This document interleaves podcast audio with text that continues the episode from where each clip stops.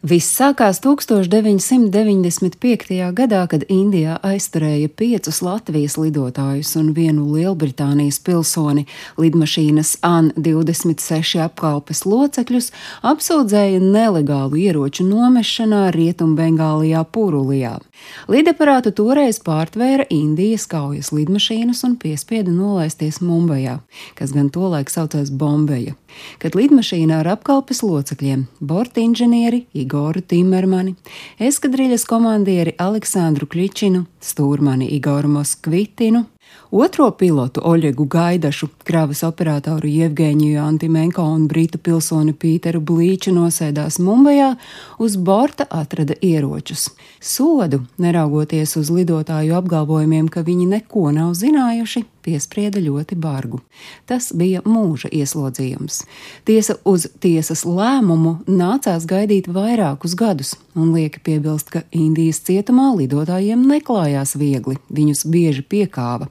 Nebrīvē viņi arī pieteica bada streiku, Lai arī Latvija izmeklēšanas laikā, kas ilga vairāk nekā četrus gadus, sniedza visu nepieciešamo palīdzību lidotājiem un daļēji atviegloja ekipāžas uzturēšanos cietumā, tomēr lidotāji cerībā, ka kaimiņu zemei uz Indiju ir lielāka ietekme, nolēma aicināt palīgā Krieviju.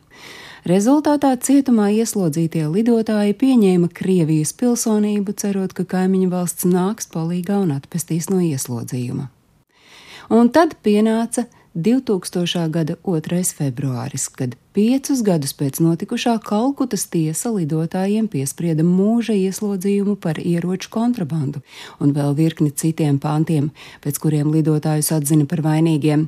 No nāves soda lidmašīnas apkalpe izspruka pateicoties tam, ka netika atzīti par vainīgiem kara veicināšanā Indijas teritorijā. Tikmēr jau tā paša gada jūlijā, paklausot plašo sabiedrības aprindu prasībām, diplomātu un arī citu valsts vīru pūlēm, kā arī Krievijas prezidenta Vladimira Putina oficiālajam lūgumam, Indijas prezidents Kočerils Ramans Narajanans pieņēma lēmumu apžēlot lidotājus no mūža ieslodzījuma. Lidotājus atbrīvoja un viņi atgriezās Latvijā, lai arī kā Krievijas pilsoņi ar uzturēšanās atļaujām.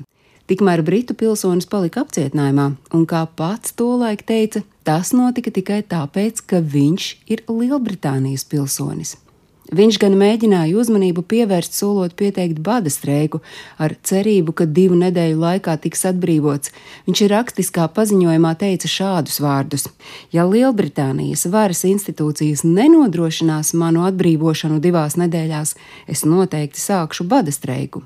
Rezultātā Blīčs ieslodzījumā Indijā pavadīja astoņus gadus, tāpēc, ka Indijas varas iestādes atteicās viņu izdot, jo viņš bija viens no ieroču nomešanas operācijas plānotājiem un arī saistīts ar galveno apsūdzēto Dāni Nilsu Holku, kuru līdz tam nebija izdevies nogādāt tiesas priekšā.